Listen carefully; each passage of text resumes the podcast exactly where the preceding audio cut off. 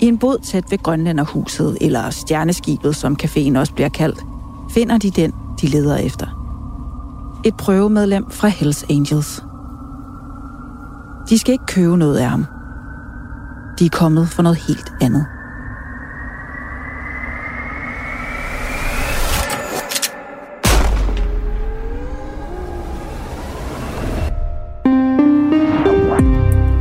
Vi får nogle tips på kriminalreaktionen. Fra forskellige kilder i miljøet.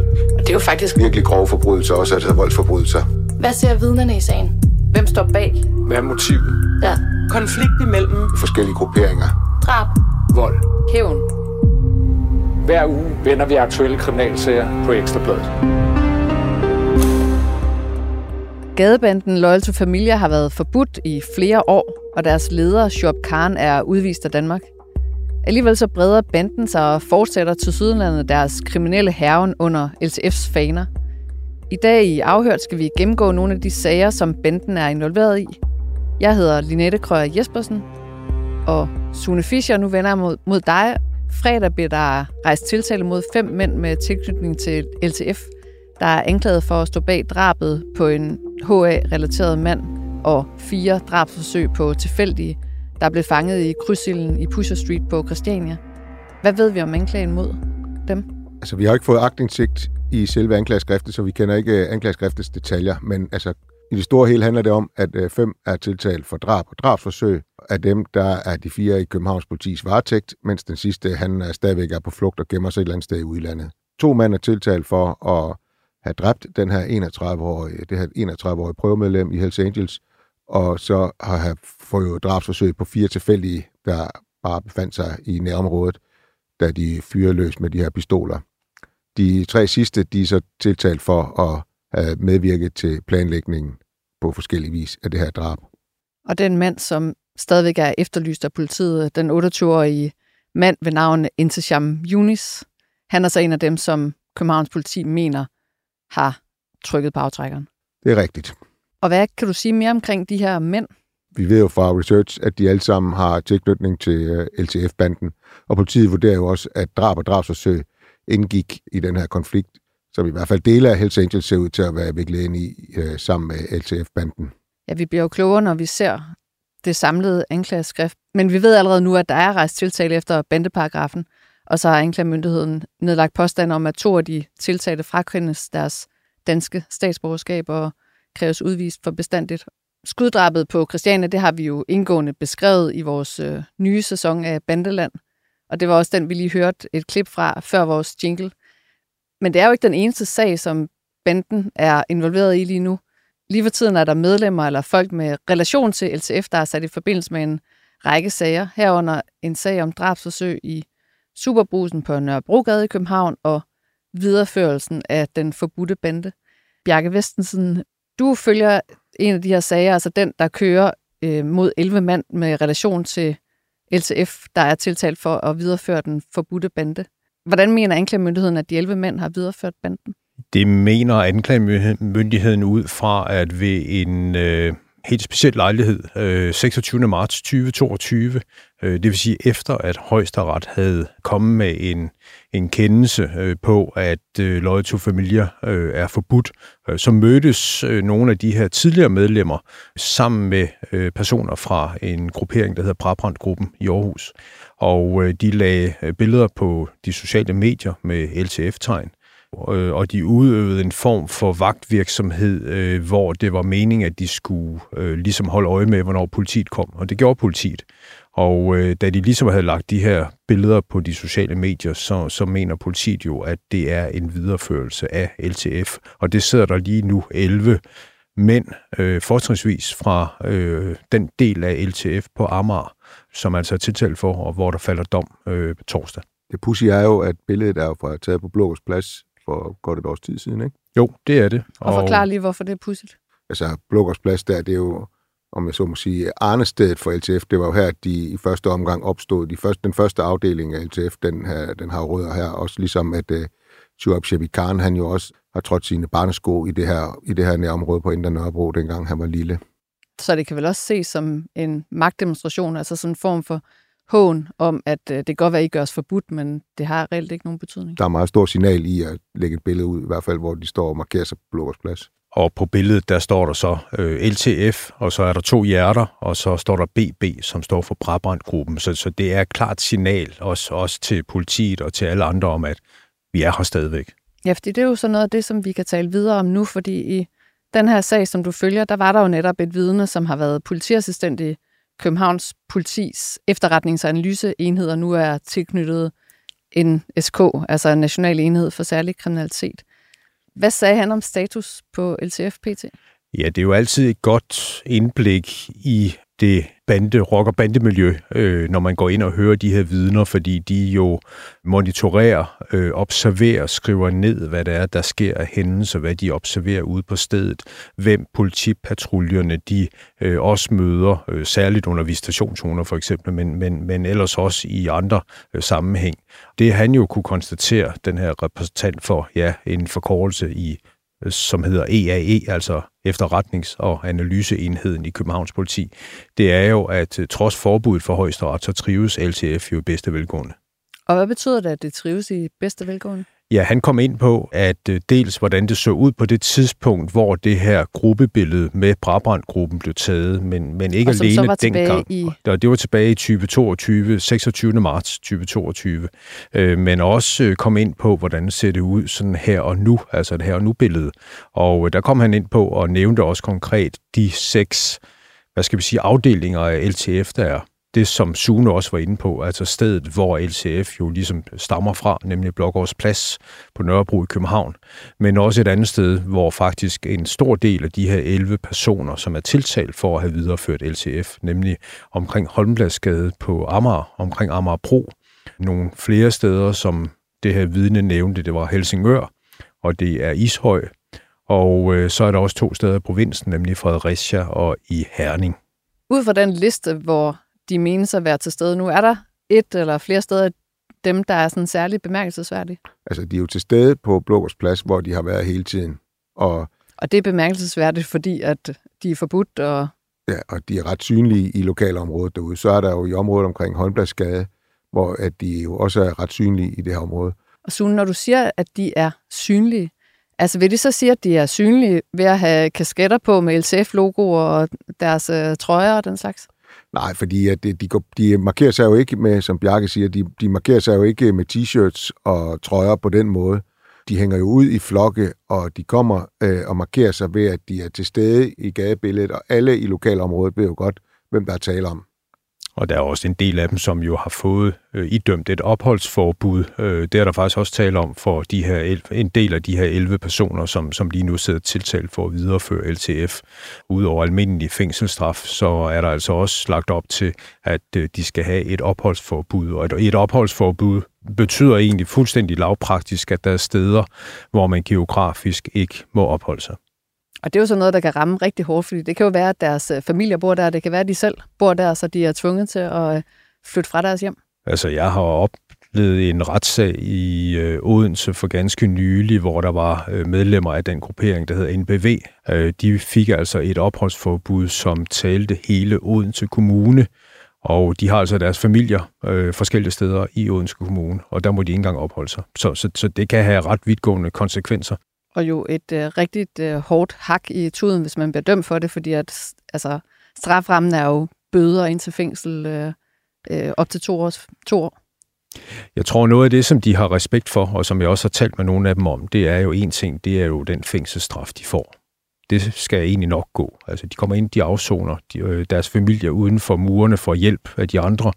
Men det, der rammer særlig hårdt, det er, at når så de kommer ud, så har de det her opholdsforbud, hvor de så ikke må, må besøge familier og venner og bekendte på, i, i de områder, som forbuddet gælder. Og det, det, det rammer dem rigtig hårdt. Og også en anden ting, som især rammer hårdt, det er jo udvisningspåstanden. Ja, Sune, det her med, at LTF er repræsenteret i Jylland, hvad kan du sige om det? LTF spredte sig jo ret hurtigt i Storkøbenhavn, altså ud af Nørrebro. Amager har, har vi jo nævnt, og så rundt omkring i forskellige bydele i Københavns udkant. Men altså, der var jo også uh, ret hurtigt blevet der skabt kontakt til ligesindede, især i Fredericia, og så også uh, i, i Herning-området. Og så er de jo også, uh, har de jo også en vis tilknytning til Fyn.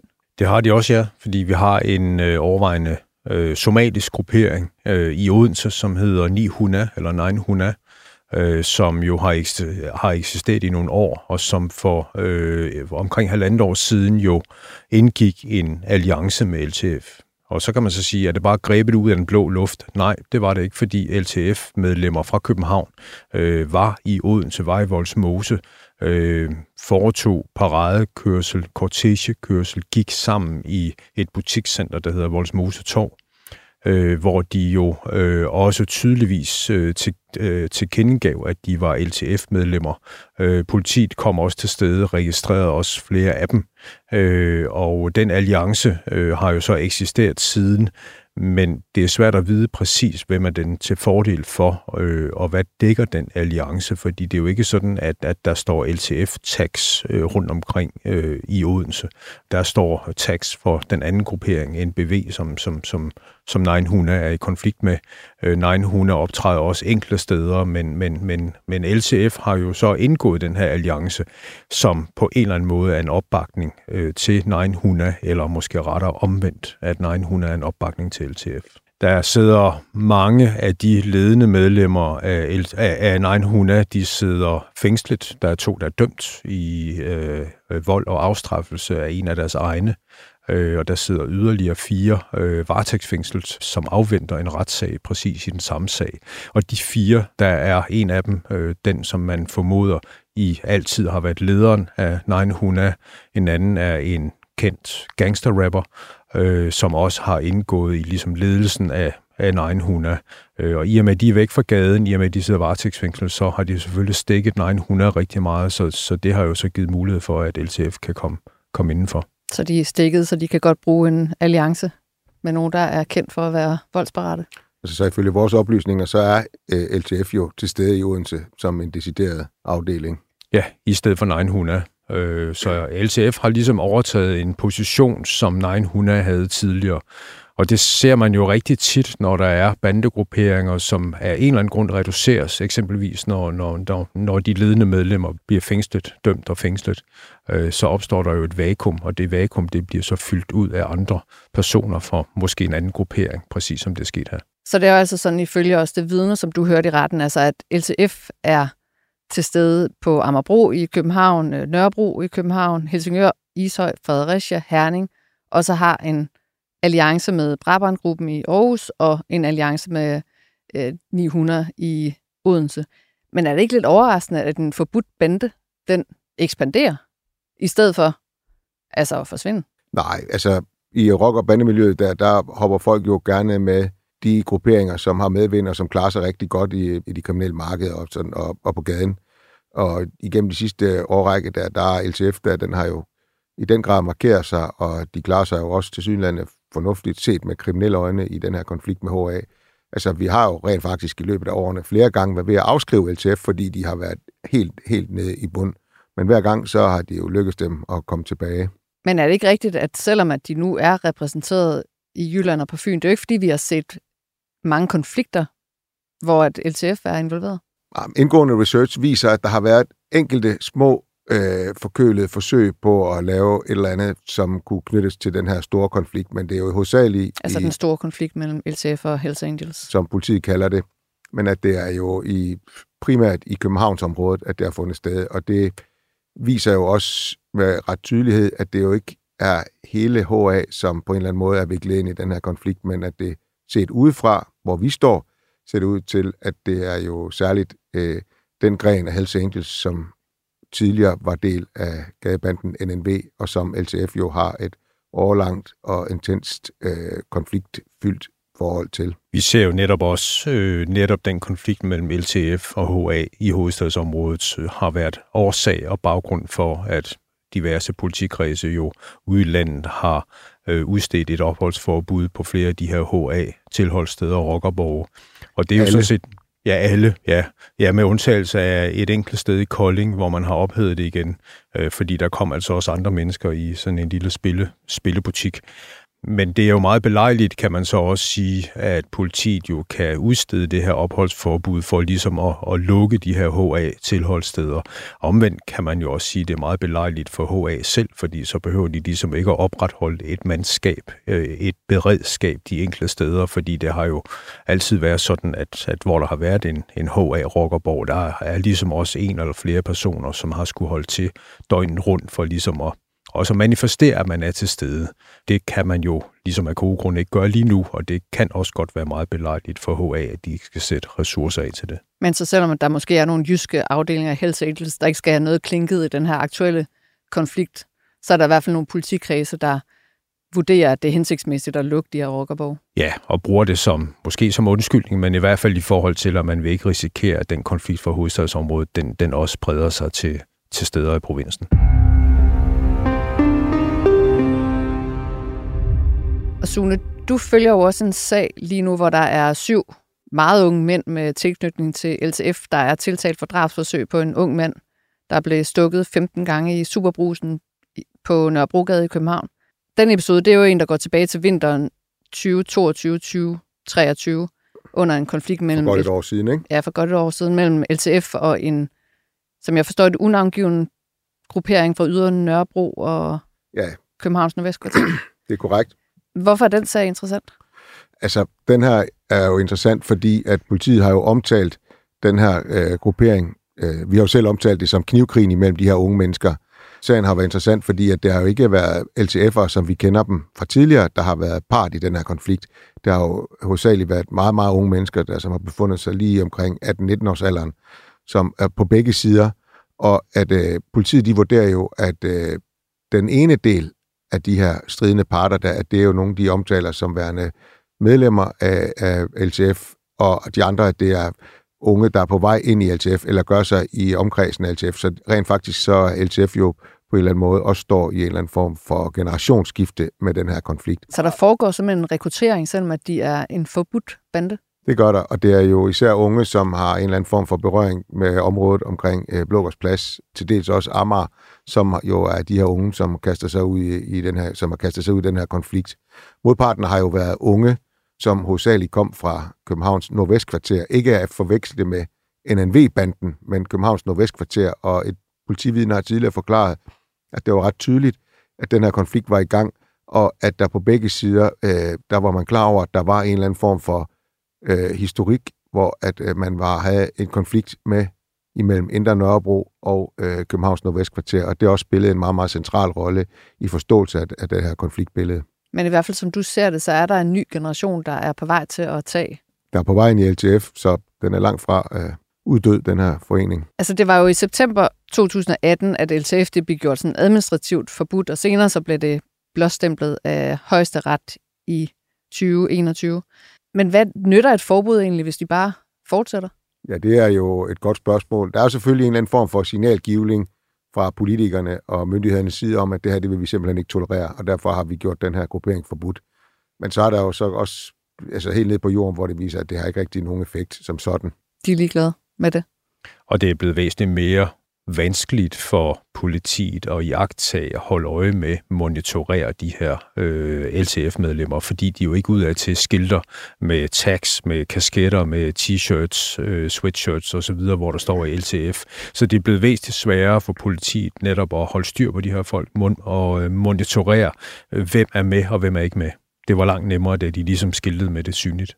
Man kan så måske også spekulere lidt i, om en del af den øh, kriminelle stolthed, der nu er opstået omkring grupperingen igen, at den måske også smittes af, at, øh, at grupperingen er gjort forbudt ved lov. Altså det er også ligesom at med til at sige, okay, vi er public enemy number one. Der er jo også en, jeg ved ikke, om man kan kalde ham skyggechef, det kan man vel ikke, men der er jo uh, Shebi Khan, som er udvist af Danmark, og som sidder et eller andet sted i udlandet. Hvilken rolle spiller han i det her? Altså, ifølge vores oplysninger, så ser han jo stadigvæk og trækker i trådene i forhold til de forskellige større beslutninger, der bliver taget i, i, den, her, i den her gruppering. Hvad tror I, vi kan forvente at se fra LTF i den kommende tid? Jeg tror, vi kommer til at se en øh, forandring, men også en manifestation. Uanset hvad de her øh, retssager de ender med, så vil der stadigvæk være en fødekæde til LTF. Der vil stadigvæk være nogen, der synes, det her det er mega sejt at være en del af den her gruppering især fordi den er forbudt. Og øh, jeg tror ikke, at den hensigt, som politikerne havde med at forbyde øh, grupperingen, at, øh, at det får den til at forsvinde på nogen måde. De forbliver jo kriminelle, de er i, i de her kriminelle netværk, de øh, tjener rigtig mange penge på det, og det fjerner man altså bare ikke med et forbud. De vil altså blive ved med at dukke op. Kan det faktisk være en fordel for dem, at de er forbudt? Det er jo en fordel i forhold til, at de kan agere under radaren for politiet. Altså, øh, hvor tidligere det var synligt, hvad de jo gik og bedrev rundt omkring, øh, så ved at, at der ikke er den samme synlighed, så, så kan de måske også gøre det mere i det skjulte, uden at politiet opdager det, og uden at øh, der, det bliver fuldt op af sikkelser, tiltale og domme øh, på lang sigt. Så, så der er også en fordel for LCF i forhold til, at de holder sig under radaren. Men vi kan i hvert fald konstatere, at det ikke fuldstændig øh, lykkedes dem at holde sig uden for retssalene. Og drabsagen, som vi jo nu forventer, at der kommer et anklageskrift øh, til os inden længe, den øh, forventes at komme til at køre måske i øh, maj-juni i år, og der kommer til at være omkring 18-20 retsdage. Og vi kan jo konstatere, at der er en mand, Sune, som du var inde på, der er efterlyst, men sagen den kommer altså til at køre, øh, uanset om han øh, bliver hapset øh, inden da eller ej. Og så vil jeg jo slutte af med at sige, at man jo, som vi også har været inde på, kan blive klogere på konflikten mellem LTF og Hells Angels ved at lytte til Bandeland på Ekstrabladet Plus. Jeg vil sige tak til jer derude for, at I lytter med, og jeg vil sige tak til jer to, og tak til Rasmus Søgaard.